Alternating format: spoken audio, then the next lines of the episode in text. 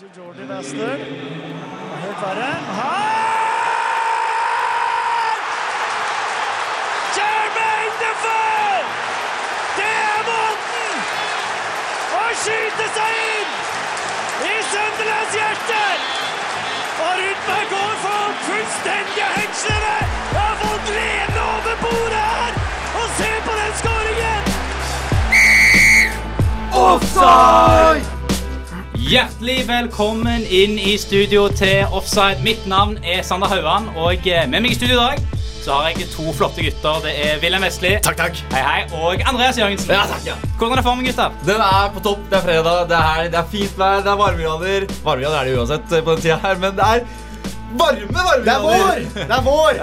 Det er vår i Bergen by. Og det er tid for fotball. Det er tid for dag. fotball. Vi har en eh, proppfull sending. Det er mye gøy. Og eh, Wilhelm, eh, du kan fortelle litt av det vi skal snakke om i dag. Ja, Vi hadde jo veldig interessant start på Eliteserien denne helgen. Og vi skal da gå litt inn på hvem som kanskje overrasker denne sesongen, og hvem som skuffer. Og i tillegg skal vi ta en titt på nedrykkskampen i Premier League, som er da veldig spennende etter Cardiff mot Chelsea. Ja, Så skal vi jo selvfølgelig ta dypdykk også denne uken, og det blir i storklubben AC Milan. Det blir veldig gøy. Og så blir det jo Jet-karrieren, da, karer. Det blir ett karriere nå, og jeg gleder meg. Jeg skal knuse Wilhelm. Nei, nei, nei. Og eh, sist, men ikke minst i denne sendingen her, så skal vi ta en eh, liten svipptur til Italia. Og eh, situasjonen som oppsto mot Moise Keane i Juventus sin kamp mot Cagliari. Så her er det bare å henge med videre. Mitt navn er Anders Aasen. Jeg spiller for Rosenborg, og du hører på Offside på Studentradioen i Bergen. I helgen som var, så startet jo Eliteserien opp på nytt igjen. Og eh, det er veldig godt å se ballen trille òg her på det grønne gresset i Norge.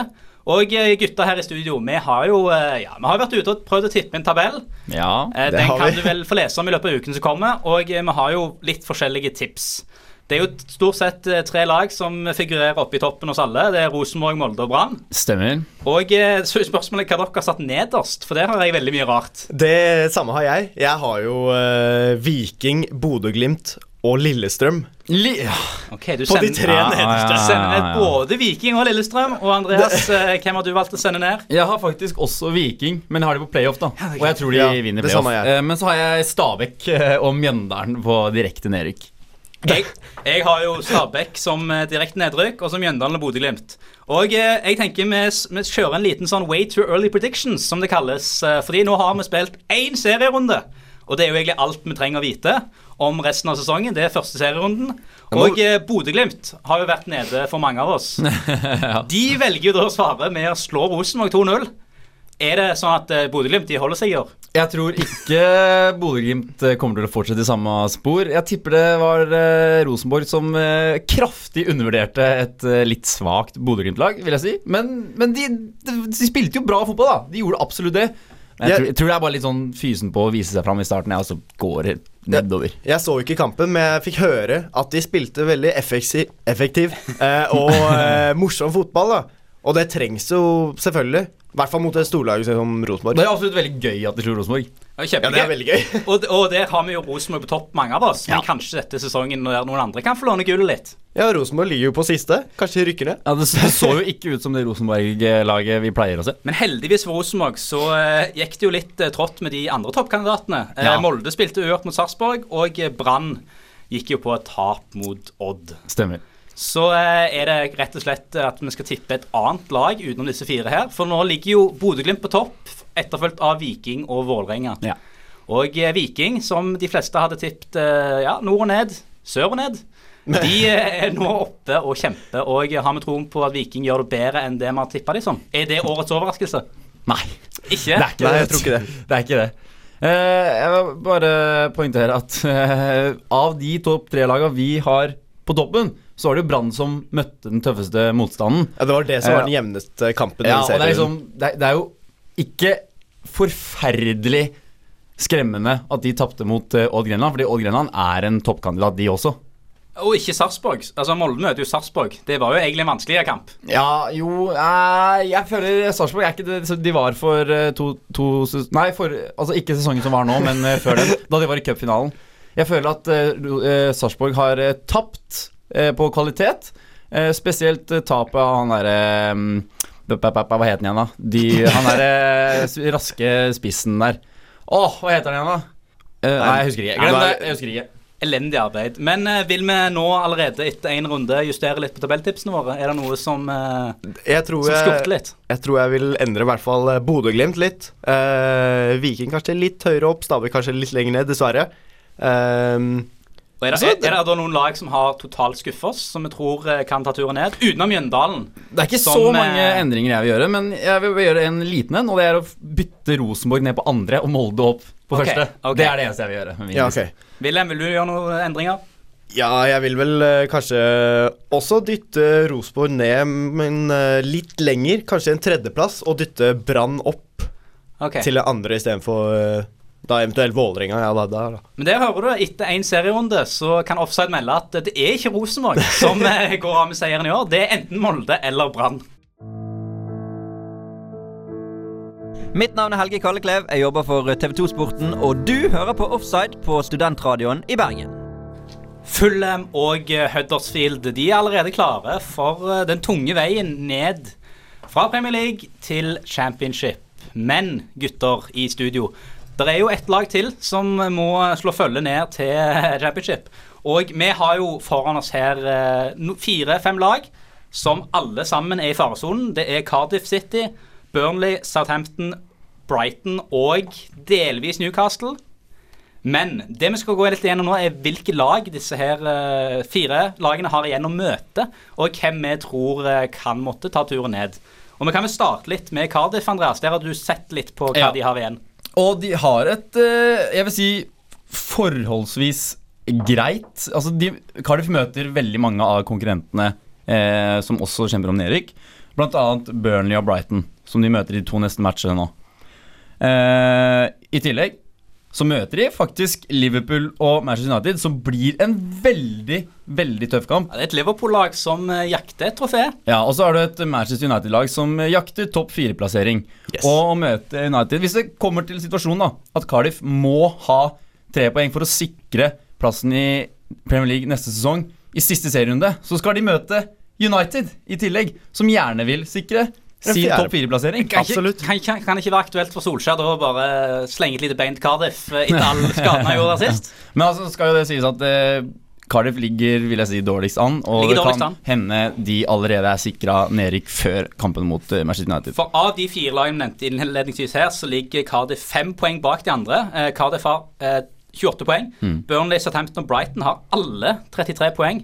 Der Brighton og Southampton har en kamp mindre spilt enn de andre. Og videre så kan vi se på Burnley. Sean Dyche hadde stor suksess i fjor. I fjor ble det kun 39 baklengsmål. I år så har det blitt 59. Ja, Og eh, hvem har de igjen å møte, Willem? De har ganske hard motstand foran seg. De møter for så vidt eh, Bournemouth og Cardiff, som eh, ligger langt nede begge to. Men så møter de Chelsea, Manchester City, Everton og Arsenal i de fire siste kampene. Det er er, det er noe av det tøffeste du kunne fått. Altså, Ja. Til og med Everton. Ja, Everton er et godt Ja, lag. Og det er et City som eh, gjerne trenger alle poengene, de òg, for å sikre seg den førsteplassen. Ja. Og da er jo det, det er tungt å være et nedrykkslag og måtte møte de som kjemper om eh, topp fire og topp én. For det å bare ligge midt på tabellen, det er ikke så tøft. Det, det er litt sånn eh, rart å si det, men det er synd for nedrykkskandidatene at topp fire-kandidatene Det er så tett der oppe. Ja. Det er tett Så både i bunnen og toppen.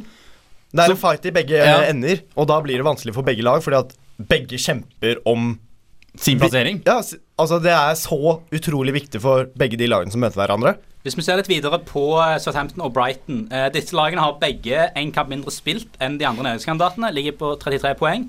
Og eh, hvilke kamper er de igjen? Jo, Southampton de skal spille mot Liverpool nå på fredag i kveld. Det kan bli tøft. Eh, Wolverhampton, Newcastle, Watford, Bournemouth, Westham og Huddersfield. Huddersfield i siste serierunde. Et Huddersfield som har kapitulert helt totalt. Eh, Men det kan hende at de gjør en eh, god kamp allikevel. kan hende de gjør en god kamp likevel. Og eh, Brighton, der har de Bournemouth, Cardiff, Wolverhampton, Tottenham, Newcastle, Arsenal og City. Eh, Brighton som møter City i siste serierunde. Men eh, gutter, hvilke av disse fire lagene er det som mest sannsynlig må eh, ture ned? Altså- hvis, vi, hvis vi tar både poengene de har nå, og hva kampprogram de har igjen. Ja, derfor Ut ifra kampprogrammene så er det uten tvil eh, Burnley og Brighton som har det tøffeste. For det er de som møter flest topplag. Um, jeg vil litt at Cardiff skal klare seg med et nødstrik, en nødskrik. Uh, og jeg er stygt redd for at eh, Burnley kommer til å havne på den siste nedrykksplassen. Wilhelm, dine tanker? Jeg tror jo siden Cardiff allerede ligger fem poeng bak De har relativt eh, hard motstand. Det er lag som vil kjempe om plassene sine. Så jeg tror dessverre at det er Cardiff som eh, blir siste laget som rykker ned fra Premier League denne sesongen. Så Fulham, Huddersfield og eh, i min mening Cardiff City. Dere må være på laget dere på å spille i uh, indrefileten av, eh, av engelsk fotball. Det er så ekstremt tight, liksom. Det er umulig å spå noe. Det er umulig å spå. Det blir uansett veldig gøy å følge med i den intensive sluttspurten. Hei, mitt navn er Fredrik Haugen fra Brann. Du hører på Offside på Studentradioen i Bergen. Du hører på Offside her på Studentradioen i Bergen, og nå, gutter og jenter der ute, er det klart for eh, Gjett karrieren. Og Andreas, Ja. eh, du har tatt ansvar i dag. Ja, funnet noen noen spillere. morsomme spillere med, jeg. Og meg og Wilhelm skal da kjempe en legendarisk eh, kamp om eh, å ikke være den verste. Jeg gleder meg, jeg. Jeg vant jo eh, en annen kamp mot deg tidligere i uken, så Ja, da kan vi begynne med Gjett karrieren. Det skal vi selvfølgelig gjøre. Og bare fyre løs med første spiller, som er født 11. april 1991. Som dere skjønner, så spiller han fortsatt aktiv, 1991, aktiv ja. fotball. Han Gareth Bale. Eh, det er feil. bra gjetta. han begynte karrieren sin i franske. Yaya Sanogo. Eh, det er også feil. Og der var han i fire år. Det her er altså profesjonell karriere, Ja. ikke ungdomskarriere. Ja. Eh, etter eh, oppholdet i Frankrike så går han til eh, tyrkiske Bursaspor. Og der spiller han i to år. 2014-2015. Og han spiller 27 kamper og Er skårer det- 13 mål. Ben Yedder. Det er ikke Ben Yedder. Eh, spilleren er født i Afrika. Det kunne vært Beneder da òg. Eh, og han gikk til Spania i 2015. Ikke for et topplag, men for Villarreal. For Villarreal, real, ja. Han er spiss, og han er oh, jeg vet hvem det- Jeg vet hvem det er, men jeg husker ikke navnet! Kongolesisk. kongolesisk. Å, herregud. Han hadde et ganske bra opphold i Villarreal. Var en av deres aller beste spillere. Jeg kan jo navnet! 72 kamper og 32 mål Husker før han ikke. Ja, går jeg kan ikke det her. nå sist til Kina i en alder av 27 år. Åh, Jeg er helt blank. Han kongolesiske Eh, Bakambu! Ja, det Ja! Cedric Bakambu. Cedric Bakambu. Shit. Da har, vi, da har vi allerede der eh, knapp ledelse til eh, Wilhelm. Jeg fikk bare Fifa-kortet bare flashende foran øynene mine. Bare yes! Åh, Og vi fyrer løs med nok en spiller som er født i 1991. Ja, det er sånn 1991-spesial i dag. Det er 1991 spesial i dag, så han er jo da 27 år, han òg. Ja. Han eh, begynte sin karriere, proffkarriere, i Metz. Mets. Jeg har spilt den i to år. En god lokanté. Det er feil. Ah. Eh, han spilte 42 kamper og hadde kun ett mål. Ja vel. Så kan du tolke det som du vil. Ja. Så gikk han videre til Genk. Genk. Kolibali. Det er Kolibali. Ja! Den tok du Den tok du kjapt. Deilig. 1-1. Ja. Let's go. Go. Eh, ikke noen spiller som er født i 1990 ennå, vi har en spiller som er født i 1981. Oi. Han begynner å bli gammel. 37. Altså Og han har spilt for mange, eller mange og mange, har spilt for noen veldig store klubber i Europa. Oh. Han begynte sin ungdomskarriere i ACEC Mimosas. Mimosas, ja. Ok, riktig. Men jeg vet Eh, ikke hvilket land det så det er er ikke så viktig. Georgis Samaris Og der spilte han i to år før han går til selveste Arsenal. Arsenal. Jens Lehmann. Det er feil. Han er Eh, eldre. han er Og er der eldre. var han fra 2002 til 2009 og spilte 225 Robin van. Persie. Nei. Det er også Nei. feil. Og eh, Mikael Ballack. Emanuel Ebue. Nei. Eh, han går fra Arsenal til kanskje enda bedre klubb. Manchester City i 2009. Eh, Ja, ja, Touré! Kolo Touré! Ja, det er Colo Touré! Kolo, Kolo, Kolo Kolo, Kolo Neste spiller. 2-1. Neste spiller, litt eldre. 1978 blir denne karen født. Han er veldig bereist, har vært innom mange land og mange klubber, og begynte karrieren i Le Mans. Hæ, Når var han født, sa du? 1978. 78. ok Ok. Og så går han til Jeg kan ramse opp litt her i starten, fordi det er litt sånn klubber som bare, bare dere følger med. Begynte i Le Mans, gikk til Guingamp, så til Marseille. Det var fra 90, de, de tre klubbene var han i fra 98 til 2004. Og så går han til storklubben Chelsea. Claude Makelele. Det er feil. Nei, hvem er så, Ja, hva Og han var veldig lenge i Chelsea. Han var i Chelsea i åtte William år. Galas? Nei. Nei, Han spilte 226 kamper og hadde 100 mål. Didier Drogba. Drogba. Jeg var jo først på Det var samtidig, det. Ja, det er Didier Drogba! Hva gjør vi? Hva gjør vi? Jeg, Gi meg poenget, for da likt, og så har vi to jeg to, tenker eh, vi for spenningens skyld gir poenget til eh, Sander Hawan. Siste spørsmål, da. Ja, okay. Det er siste spiller, Avgjørende. og han er født i 1984.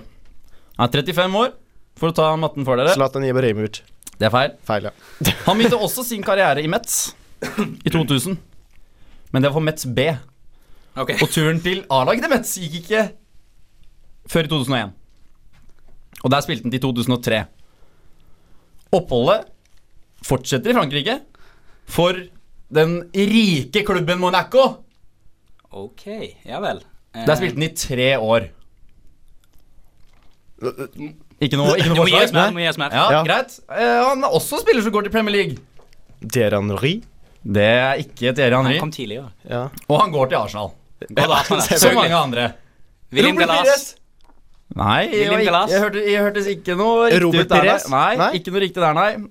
Og som Colo Touré, Bakary Sagna. så går han også til Manchester City. Eh, Klisjé! Nei. Nei! Nei. Er det ikke det? Og der er han i tre år. Men han spiller bare 34 kamper. Å, Samir Nasri! Nei. Nei. Nei. Han eh, går så på et par låneopphold. Henholdsvis til Real Madrid først, og så til Tottenham. Yeah. Men han blir, Moussa Sissoko. han blir Nei, han blir fast eiendom i Tottenham i 2012. Rafael van der Fart? Nei. Nei, det er ikke Han er også afrikansk. Som alle andre spillere på denne gjettkarrieren eh, i dag. Det- det- Han er i Tottenham i tre år. Han er litt eh, kontroversiell. Gjorde et par uh, i løpet av sin karriere et par eh, kontroversielle feiringer. Emanuel blant annet. Adebayor. Og vi har en vinner! Yeah! Sandor! er dagens Gjett karrierevinner med. Emanuel Adebayor som siste spiller. Nei, nei, Gratulerer. nei, nei. Veldig fin i et karriere. Fikk litt afrikanske spillere. Ja, så bra. Åh, nei, det var deilig. Det smakte godt. Jeg trodde jeg skulle ende på topp. Smakte Ja, du starta veldig sterkt, William. Wilhelm, hvordan føles det å være en taper? Jeg har lyst til å dra, egentlig. Men det var jo en liten kontroversiell hendelse her også, med den der poengdelingen vi fikk når dere svarte likt. Ja, så det er jo den, i, eh, i favør Sander i dag, da. Jeg kom var sak på det ingen der. kontrovers. Det var en helt fortjent seier. Hei, mitt navn er Niklas Gunnarsson. Jeg er 26 år og er midtstopper i Djurgården, og vi skal spille Europa det året her. Nå er jeg med offside på Studentradioen i Bergen. Du er fortsatt med offside her i Studentradio Bergen, og nå skal gutta i studio ta et lite dypdykk i klubben AC Milan. AC Milan stifta i 1899 av eh, to engelskmenn, Alfred Edwards og Herbert Kilpin. Og eh, egentlig så heter jo byen Milano på italiensk, men disse to engelske gutta de tenkte at vi skulle beholde det engelske navnet AC Milan. De har 18 ligatitler og 7 Champions League-titler, men eh, vi skal òg ta en liten titt på det som har skjedd i nyere tid. Og da spesifikt starter vi i 2006. Og Wilhelm, hva er det egentlig som skjer med AC Milan i 2006? Jo, dette er, da den kjente saken Calciopoli, eh, som da var en skandale innenfor italiensk fotball, hvor det var mange klubber som eh, ble trukket poeng, eh, klubber som rykket ned, og de ble nektet eh, Uefa-cupspill, eller spill i Europa.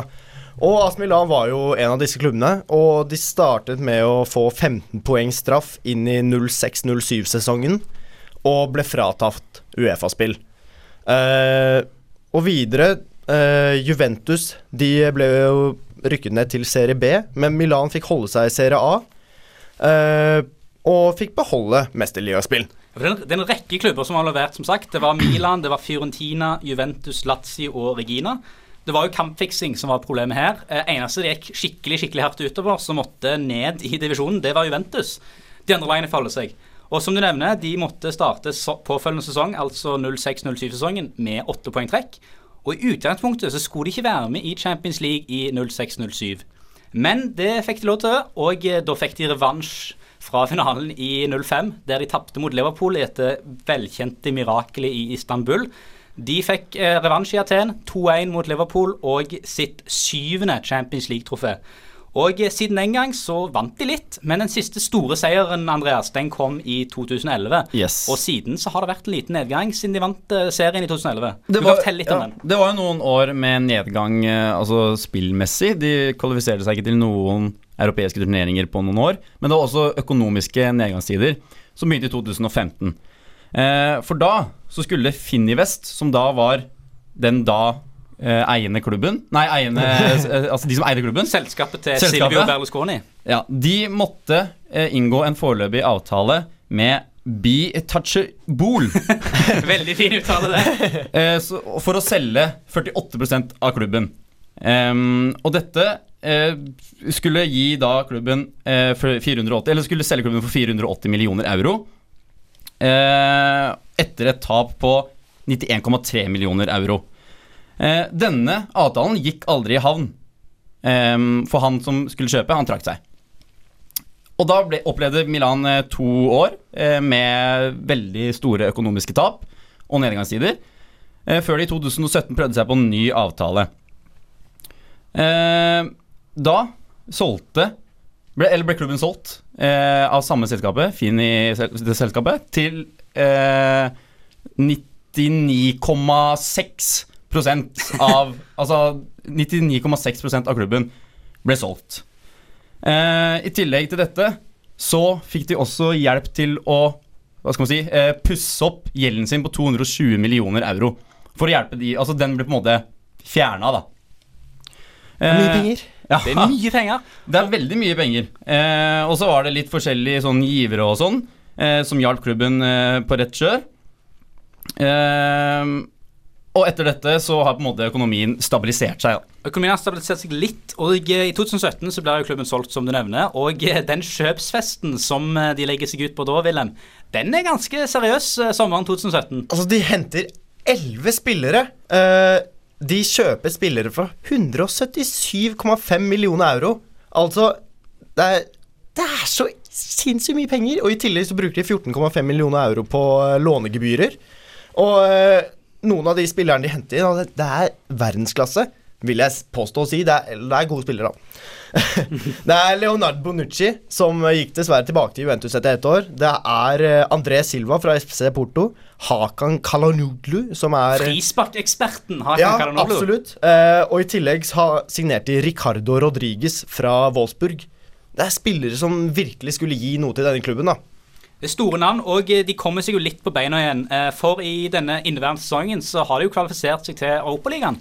eh, Til gruppespillet der. Og problemstillingen der var jo at det gikk bedre etter de eierne kom inn, men denne kjøpsfesten fra sommeren 2017 den hang litt igjen. For i utgangspunktet så ble jo Milan rammet av Financial Fair Play-regelen. Og skulle egentlig ikke spille Europaligaen, fikk det likevel. Eh, Etter at de fikk sikra seg noen midler innimellom. Men vi kan jo si det sånn at Milan er på vei opp igjen. Det er en klubb i framgang. De har bedre eierskap. Silje Berlusconi var jo i klubben i 31 år.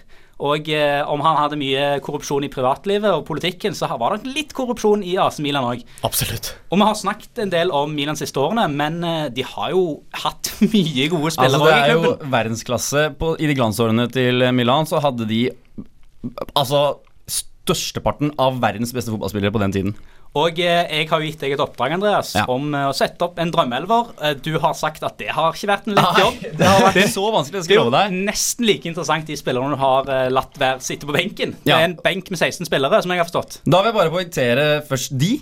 For de spillerne jeg ikke fikk plass til, var bl.a. Insagi, van Basten, Patrick Kluivert, Brian Laudrup, Frank Rijkaard, David Beckham, Patrick Vera, Rui Costa, Jean-Pierre Papin, Jens Lehmann, Annan Crespo, Ronaldinho, Ronaldo, George Det Vea, jo Marcel Desailly og Clarence Seedorf, som jo- dessverre måtte vike. Det er Det, de får spille på B-laget, rett og slett. Og litt av grunnen til at jeg utelukket størsteparten av de her, var fordi de har bare hatt enten et låneopphold eller bare to-tre år i klubben, så de er ikke ekte Milan-gutter. Og noen av nederlenderne du nevner her, har jo vært på vårt drømmelag i Ajax. Ja. Men drømmelaget ditt for AC Ja, Milan, kan jeg få høre selvfølgelig. det? Er så, det er så bra lag òg. Jeg er så fornøyd. Vi starter bakerst for å holde buret rent. Der har du ingen andre enn Dida. Dida. Alle husker jo Dida. Og så har du altså Det her var jo de første jeg satte inn. Det var uten tvil de som skulle inn først. Det var da forsvarskjempene Nesta, Baresi og Maldini. De kommer du ikke utenom. noen av tidenes beste forsvarsspillere. Og så satte jeg Cafu, brasilianeren, på høyre bekk. Han var mange år i Milan. Skårte greie, greit mange mål på backrolle. Så er det ingen som kommer forbi de. Nei. Og så har du midtbanen i en 1-2-1. Der starter jeg bakerst med ankerrollen. Det er Gattusso. Fader, for en kjempe. Og så har du mannen som eh, Klara Cæsar måtte vike for. Robinho. Jeg elsker, Robinho, den, det jeg, jeg elsker er den teknikeren. Jeg må ha han inn. Så har du selvfølgelig Andrea Pirlo. Andrea Pirlo. Eller skal jeg Ja, Pirlo. Og så har du på offensiv midtbane Kaka.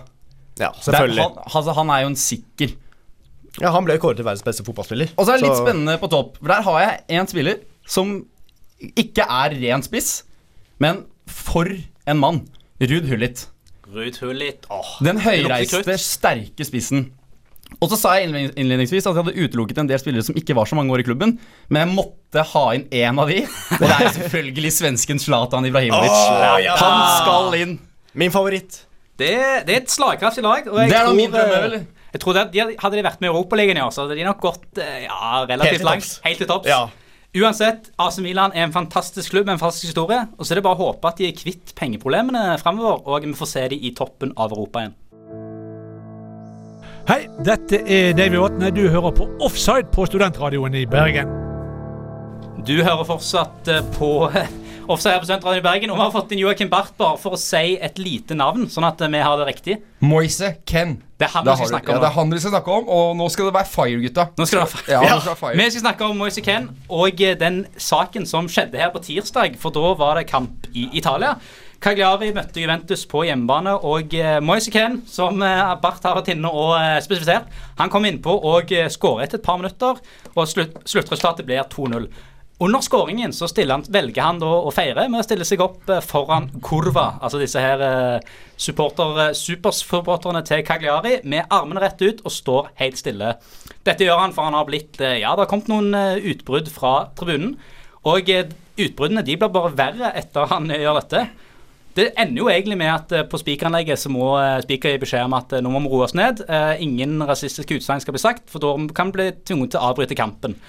Men det som skjer i etterkant, er egentlig mer interessant. Eh, For Leonardo Bonucci, han Andreas, han eh, har jo noen kommentarer etterpå som ikke er helt heldige. Ja, han mener da at uh, Moise Ken burde reagert annerledes. Altså for det første ikke gjort den feiringen han gjorde. Uh, men altså jeg, støt, jeg, altså jeg skjønner hva Bonucci mener. Du gjør det, altså? Eller jeg, jeg skjønner liksom hva han, hva han tenker på, men jeg syns det er absurd at det på en måte skal legge Han legger på en måte litt av skylden over på Moise Ken. Som jeg syns blir litt feil. Altså det er ikke, det er, jeg, jeg skjønner at fansen blir provosert når du feirer foran dem etter du har scoret, men jeg syns rasistiske kommentarer har ingenting på fotballbanen å gjøre. Nei, altså- jeg synes Det skal langt bort, og så syns jeg hele den gjengen som satt der og ropte apelyder og alt det der, de kan bare sende dem ut av stadion. Jeg syns det, det er så forferdelig at det, det har også blitt så mye av det det siste òg. Rasistiske tilrop fra tribunen. Jeg syns du skal få det langt bort! Det er både Bonucci, eh, som i går gikk ut og beklagde at eh, det gikk litt for fort på intervjuet. Det var ikke sånn han mente det. Men òg eh, manager Allegri var ute og sa at han syns eh, gjorde litt for mye ut av seg. Burde tatt det på en annen måte. Og da er jo spørsmålet som vi har diskutert tidligere i dag, er om Eh, Bonucci sine kommentarer menes det som at han er klar over problemet i Italia, og det får man ikke endra over natten, og at Moise Ken må ta hensyn til det. At hvis han ikke vil oppleve det, så må han For det, sånn som du sier her, at Bonucci du kan se hva han egentlig mener. Han mener jo at du er klar over at problemet fins, så ikke prøv å provosere det på deg. Wilhelm, du har Nei, eh, nei, altså Det er det som er kjipt med egentlig verden i dag, da. Med disse rasistiske utsagnene og lydene som folk lager. Man blir, som du sier, man blir ikke kvitt over natten. Og jeg skjønner da Bonucci på en måte, men samtidig så skal Moise Ken ha muligheten til å feire hvordan han vil, da. Men Bonucci sier han skal heller fokusere på å feire med lagkameratene sine, og bare ignorere fansen til Caglaria. Og det, dette er jo noe som har fått mye reaksjoner fra fotballverden. Raheem Sterling eh, og resten av England opplevde jo noe, noe nylig i sine forrige landskamper. Han er jo en av de på sosiale medier som har gått hardt ut mot Benucci. At som kaptein så må du støtte dine spillere. Du Ja, kan ikke synes det helt det er helt OK. Eller pleier å si at fem, Han sa jo ordrett at det var 50-50 skyld mellom Moise Ken og supersupporterne til, til Cagliari. Det er jo ikke sånn verden skal være. Og eh, Mario Balotelli har jo også opplevd litt av hvert i Italia. Han har jo vært ute og sagt i ettertid at av alle landene han har spilt i, så er det Italia der det er verst, der det er flest sånne problemer. Og eh, det er jo et vanskelig problem. Bonucci var jo ute i går og sa at det, vi kan snakke om rasisme i Italia i timevis, i årevis, men det tar tid. Ja. Men jeg, jeg, helt siden den eh, Durmas-hendelsen på det svenske landslaget i VM i fjor, så har det vært så mye snakk om at laget må stå bak da sin rasistisk Ja, altså den som ble utsatt for rasistiske tilrop. Og når Bonucci- ikke gjør det, så er det litt sånn selv, altså Jeg syns ikke Moise, eh, Moise Ken skal unngå å feire Altså, han provoserer jo, men unngå å feire fordi han er utsatt for rasisme. Jeg, jeg det blir helt tullete. Nei, altså, Også-. Han er ung også. Uh, han er bare 19 år gammel og eh, ganske fersk i fotballivet sitt. En av de da- største håpene til Italia fremover. Ja, og da- Italia som Da burde kapte, kapteinen støtte han og stå bak han og vise sin tiltro til laget heller. Nei, Vi får riste på hodet og si at eh, Bonucci Allegri og samtlige italienere som eh, har et problem, de må skjerpe seg, for sånn skal vi ikke ha det i 2019. Mitt navn er Helge Kalleklev. Jeg jobber for TV 2-sporten, og du hører på Offside på Studentradioen i Bergen. Offside er dessverre ved veis ende i dag. Eh, Andreas, er du lei deg? Jeg er litt lei meg. Jeg trives så godt her, og nå er det så fint vær, og sola skinner inn. Jeg kunne vært der hele dagen. Du kunne vært inne med sol sola Ja, skinner er hele bare å dagen. åpne vinduene litt, så får du følelsen av våren. Ja. Og eh, det skal bli en fantastisk fotballhelg. Og eh, hvilke kamper bør folk benke seg foran skjermen for å se, Andreas? Og nå er det jo et toppoppgjør i Tyskland som det er verdt å få med seg. Det er Borussia Dortmund mot Bayern München. Der er det så tett. Det skiller bare to poeng med Dortmund på førsteplass.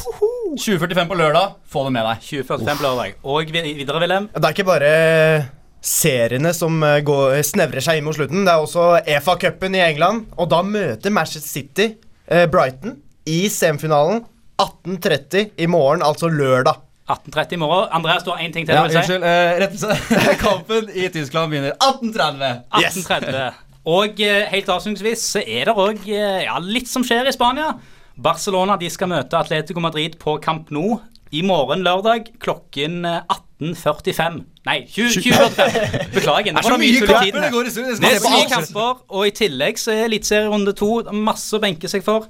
Så vi kan egentlig bare ønske alle en fin helg i finværet, hvis det er finvær der du bor, selvfølgelig, og eh, nyt fotballen. Ha det bra! Ha det bra.